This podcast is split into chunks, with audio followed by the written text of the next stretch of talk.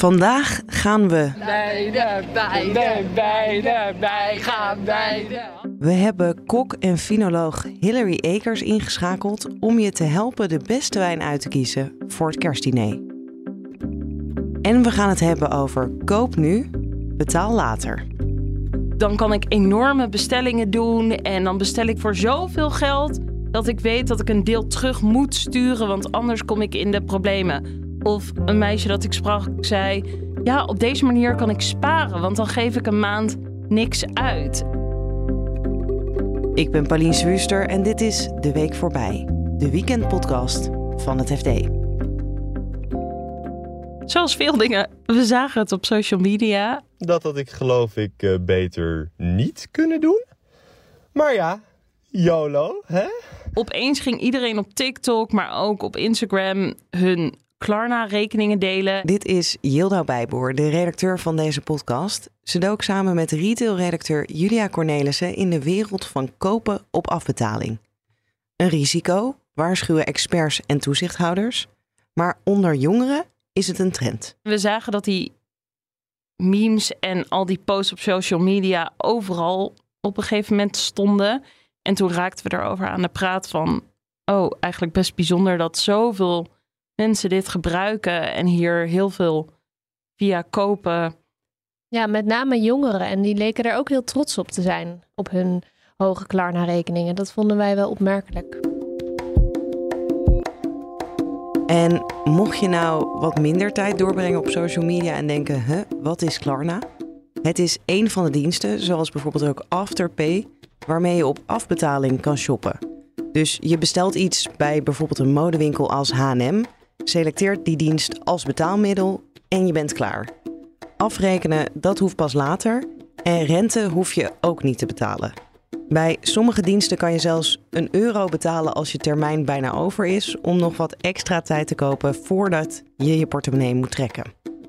En Julia vertelt dat dit kopen op afbetaling in coronatijden echt een vlucht heeft genomen. In de pandemie is het enorm gegroeid, het gebruik van, uh, van deze methode. Toen zat iedereen natuurlijk thuis online te winkelen en, uh, en zijn die bedrijven ook uh, veel meer waard geworden. En nu is de gewoonte wel behoorlijk blijven hangen bij, bij veel jongeren ook. Hi, met Marlotte Brundel. Hey Marlotte. Hi. Hi. Zij is een student die veel gebruik maakt van uitgesteld betalen met Klarna, ook wel eens met uh, Afterpay op uh, de webwinkel ASOS. En verlaagt Klarna ook de drempel voor jou om te kopen?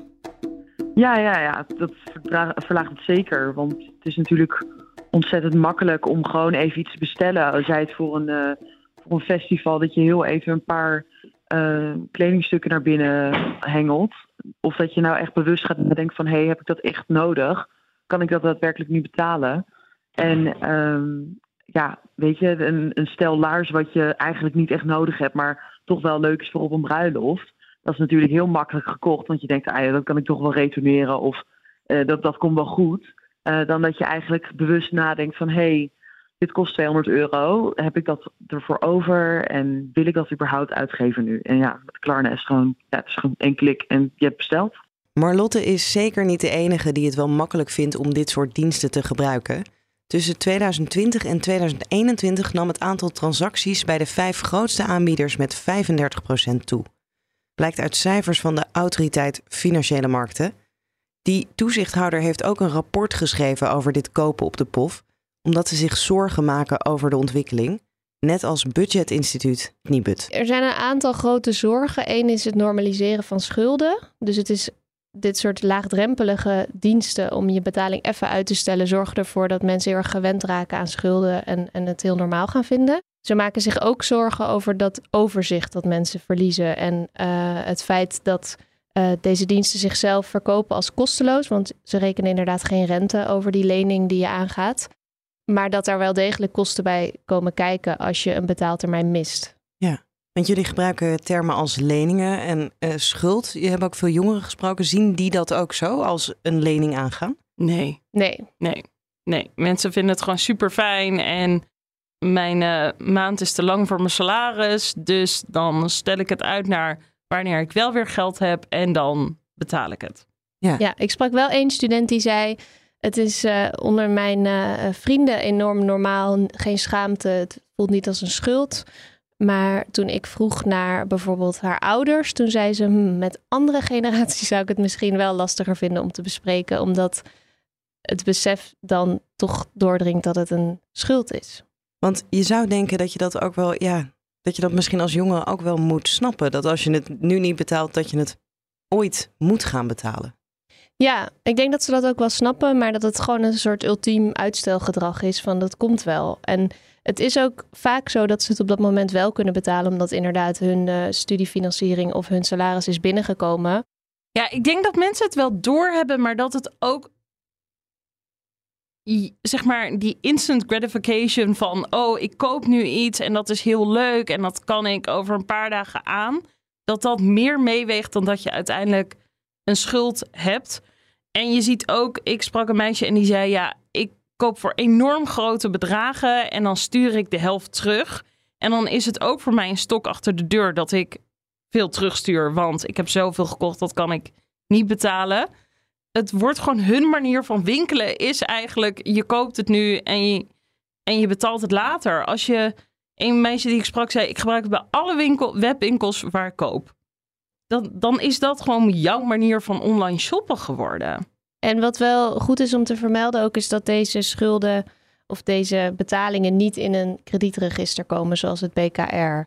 Dus uh, je kunt ook onbeperkt deze uh, leningen aangaan, op elkaar stapelen. Dat is ook een zorg van instanties. Dat je bij de ene aanbieder zoveel 100 euro hebt uitstaan en bij de ander nog zoveel 100 euro. Het is niet zo dat als je er één niet betaalt, dat je op een soort zwarte lijst komt en je kan niet meer kopen. Je kan gewoon blijven shoppen online of in de winkel. En zijn er iets van voorwaarden voordat je zo'n dienst mag gebruiken? Nou, veel bedrijven vragen wel naar een geboortedatum, maar dat is natuurlijk behoorlijk makkelijk uh, aan te passen. Ja. Dus dat is ook een zorg van de AFM. Ze hebben gezien dat er gebruikers van 15 zijn. Mag niet, maar het is niet zo dat je je paspoort moet opsturen of zo. Ja, maar het is niet, je hoeft niks te laten zien van je inkomen of wat dan ook. Je mag gewoon. Nee, ook dat niet. Nee. Nee. Is er eigenlijk een soort betaallimiet bij Klarna of vergelijkbare diensten, zoals uh, bij mijn creditcard? Nou, wat ze er zelf over zeggen is dat die er in principe niet is. Ze kijken bij elke betaling die je doet naar gaan wij dit geld jou weer lenen. Um, dus stel je voor je hebt al 500 euro uh, uitstaan bij de H&M, dan gaan ze op het moment dat jij voor 500 euro bij de Zara wil bestellen, kijken ze naar je betaalgeschiedenis. Um, ook of je bij anderen al wat uit hebt staan en dan maakt Klarna dat besluit. Maar oh ja, hoe dat echt in de praktijk werkt, dat is ook voor ons heel moeilijk om achter te komen. Dus ja, in principe niet. En moeten we maar vertrouwen op wat zij er zelf op hun website over zeggen. Waar verdienen ze eigenlijk hun geld aan, dit soort diensten? Nou, winkels uh, dragen uh, commissie af over de verkopen die ze doen met uh, koop nu, betaal later. Ja. Dus ze verdienen geld omdat retailers hen betalen. Maar eh, volgens de AFM komt toch tot 40% van hun inkomsten ook uit aanmaningen. Ja, dus ze hebben er eigenlijk ook wel nou ja, een beetje financieel belang bij dat je die termijn vergeet. Ja, zo zou je dat kunnen zeggen, ja. Ja. Dat is in ieder geval wel waar toezichthouders zich zorgen over maken. Precies. Ja, en er zijn niet, dus niet echt heel veel regels voor in Nederland dan om dit te beperken. Nee. Internationaal wel?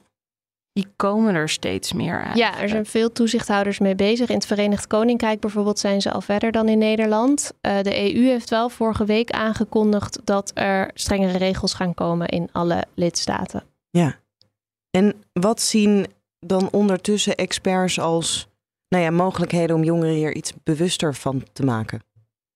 Ik sprak een uh, economisch psycholoog en die zei: Ik denk dat vooraf uitsluiten niet gaat helpen. Um, je zou mensen alleen gewoon veel sneller moeten uitsluiten van het systeem. Dus als mensen betalingen gaan missen, dat je zegt: nee, je mag hier niet meer kopen en we zetten dit voor twee jaar stop. Ja, en iemand die ik uh, sprak zei dat jongeren minder worden opgevoed financieel, dus minder leren hoe ze met geld moeten omgaan. Dus voorlichting is misschien ook wel een uh, optie. Omdat het op de pof je leven indelen gewoon zo makkelijk is en zo gebruikelijk lijkt te worden voor veel jongeren. En de zorgen nemen ook wel toe uh, nu het besteedbaar inkomen van veel, steeds meer mensen onder druk staat. Uh, er is ook een land, ik ben even vergeten welk land, maar waar je eten al op de pof kan kopen. Dat Deliveroo het komt brengen en dat je dat afbetaalt. Guys, Deliveroo accepts Kalana. This has got to stop. When is enough? And everyone mind your business if you see me in Park Lane outside Hakkasan munching in the car because I Kalana's my meal.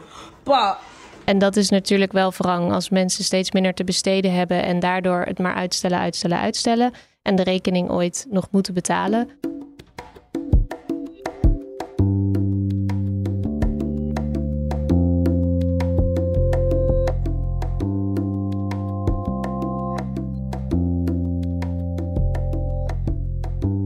Mijn geliefde en ik gaan dit jaar kerst anders vieren dan anders. We doen het met eh, een aantal vrienden die allemaal op loopafstand wonen. Dus we doen bij het een voorgerecht en dan bij het volgende het hoofdgerecht en bij het laatste het dessert. Ik kook het hoofdgerecht, maar ik ben wel gevraagd om voor alles de, de wijn te doen. Maar ik weet niet wat ze koken. Dus dat, uh, ja, dan moet je gewoon iets bedenken wat overal bij past eigenlijk. Toen heb ik een wijn gekozen en dat, dat is een Oostenrijkse, een witte wijn, Oostenrijkse. En dat heet een gemischter Satz. Heb je er ooit van gehoord? Nee, ik, ik zat even te wachten op. Ik drink wel eens een Gruner Veldliner. Dat is volgens mij ook uh, wit en Oostenrijks. Dus ik dacht, misschien komt dat, dan ken ik het. Maar deze heb ik nog nooit van gehoord. Nou, dat, maar dat zit er wel in. Een uh, gemischte stad. Dat is, uh, kijk, als jij een Gruner Veldliner, of de Oostenrijkers zeggen Gruner Veldliner, dan, um, als jij dat drinkt, dan komt die, die druiven komen uit één wijngaard waar al, alleen maar Gruner Veldliner in staat.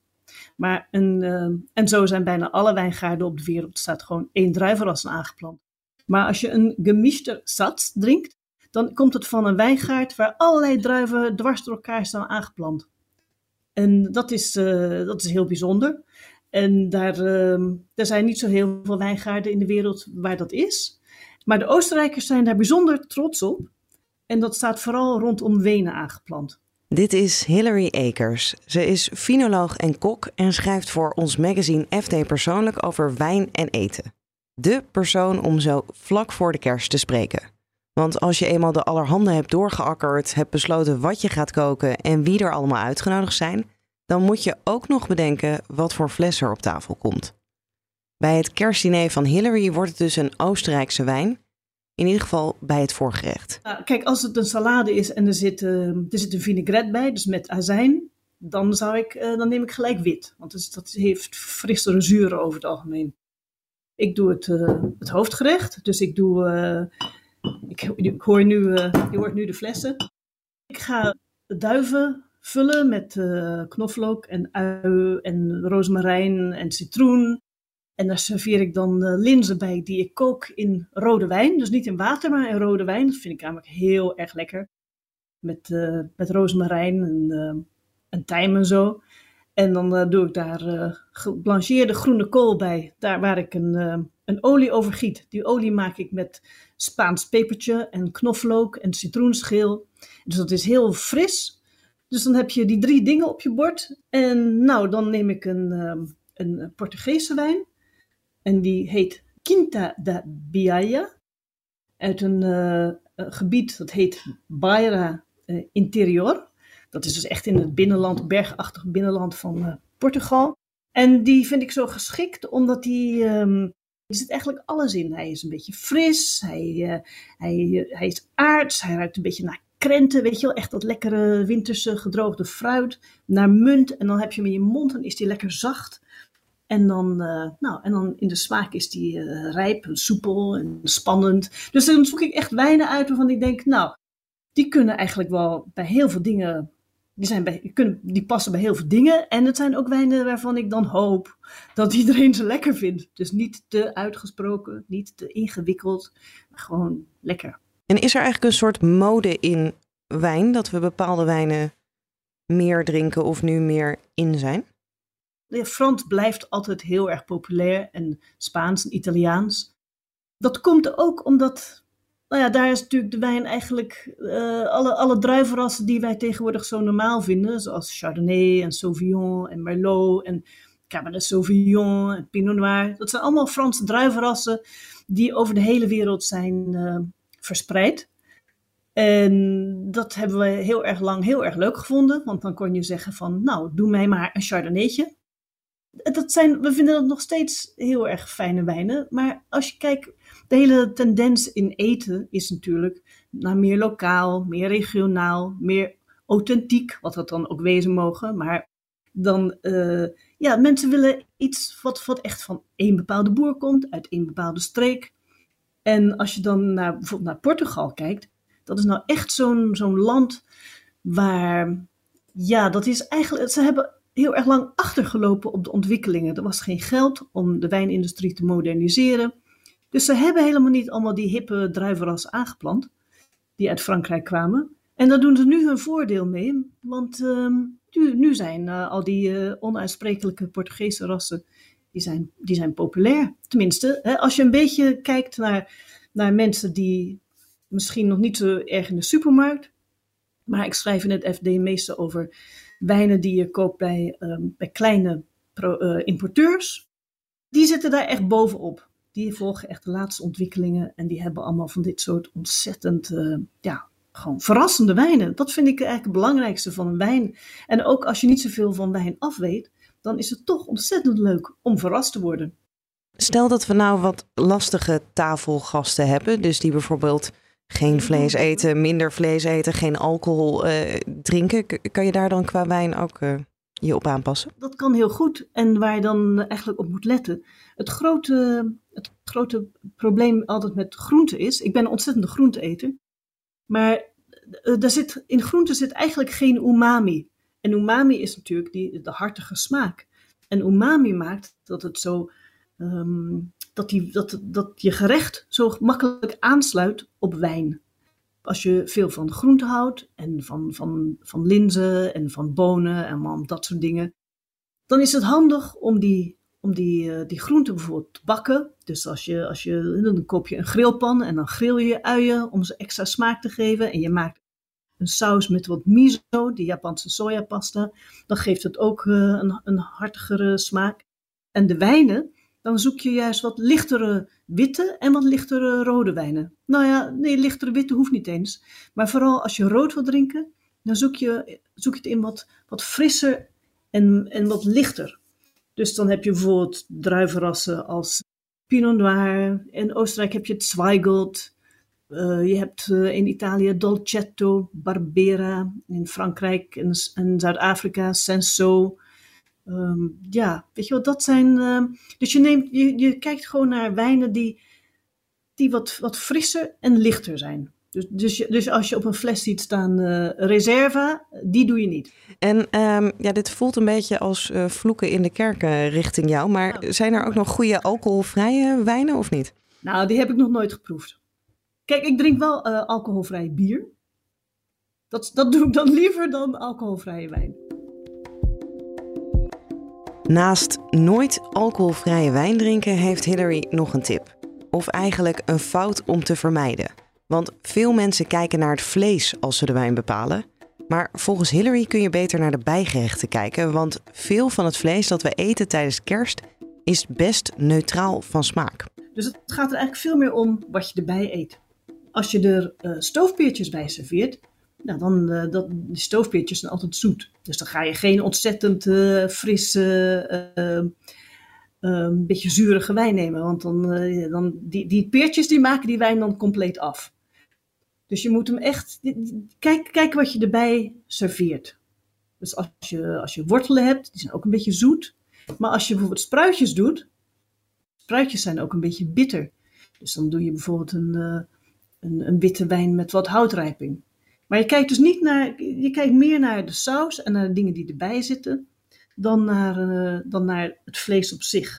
En de laatste tip van Hillary is heel simpel, of klinkt in ieder geval heel simpel. Maak je niet te druk. Ga nou niet alles helemaal anders doen, puur omdat het kerst is. Je houdt van een uh, lekker wijn, maar ga dan niet met kerst opeens iets totaal anders nemen. Uh, wat uh, alleen maar omdat het, omdat, omdat het chiquer lijkt of omdat andere mensen zeggen dat het zo geweldig is, want dan vind je het misschien helemaal niet lekker. Dus stel dat je nou ontzettend houdt van een, een Côte wat heel veel mensen lekker vinden. Nou, dan neem je een een iets chicere wijn uit dat gebied. Dan neem je een Gigondas of een Châteauneuf-du-Pape. Maar dan ga je niet opeens een, uh, weet ik veel, een, uh, wat zullen we eens bedenken, een Rioja nemen of een, ehm, of een Pinot Noir uit, uit, de, uit Duitsland. Kijk naar, naar, wat je, naar wat je gewend bent, wat je lekker vindt en, en zoek, zoek iets in het verlengde daarvan. Als ik jou goed begrijp, dan moet je dus qua smaak eigenlijk een beetje aansluiten op wat je maakt. Dus bijvoorbeeld als het zoet is, ook een beetje een zoetere wijn. Of als het zuurder is, ook wat zuurder. En niet gaan contrasteren. Je kunt uh, contrasteren, maar dat kun je beter aan sommeliers overlaten. Dat is meer een soort uh, die dat eindeloos gaan uitproberen. Maar ik zou het niet voor je kerstdiner uitproberen. Is het nou eigenlijk heel belangrijk dat ik de juiste wijn kies bij het kerstdiner? Um, nou, eigenlijk niet zo heel erg. Ik, want wat is het juiste? Dat, met de kerstdiner zit je natuurlijk... Ja, over het algemeen zit je met meer mensen die allemaal iets anders lekker vinden dan jij. Uh, dus, dus een juiste wijn vind je toch nooit. En wat ik, wat ik ook altijd doe, als ik nou, als ik ergens naartoe ga en ik krijg een wijn waarvan ik denk, nou, dat slaat echt nergens op, die past er helemaal niet bij. Dan kijk ik gewoon wat er op een bord ligt, wat een beetje neutraal is. Dus als je daar een aardappel hebt liggen, stel ik neem een, uh, ik krijg een, een, uh, een, stuk uh, vis met een of andere kruidige saus en ik krijg daar een rode wijn bij, of nee, laat dat is flauw. Ik krijg daar een witte wijn bij met ontzettend veel houtrijping dat, nou, dat, dat slaat echt op hol als je dat samenproeft. Dat is gewoon niet lekker. Het, is, het hoeft niet perfect te matchen, maar het moet natuurlijk wel lekker zijn. Dus nou, dan neem ik gewoon neem ik een stuk van die vis. Dan neem ik een hapje aardappel. Dan is mijn mond weer geneutraliseerd. En dan heb ik weer lol in die wijn. Dat was hem voor deze week. Volgende week kijken we alvast vooruit naar 2023. Als je die aflevering graag wil horen, abonneer je dan op deze podcast dan krijg je automatisch elke zaterdagochtend de nieuwste aflevering binnen. Je kan natuurlijk ook reageren op deze aflevering. Dat doe je door te mailen naar podcast.fd.nl. En je kunt mij ook vinden op Twitter, Pauliense. Redactie en montage van deze aflevering was in handen van Yilda Bijboor en van mij. En de muziek is gemaakt door Visionair Ordinair. Een fijn weekend nog en graag tot volgende week.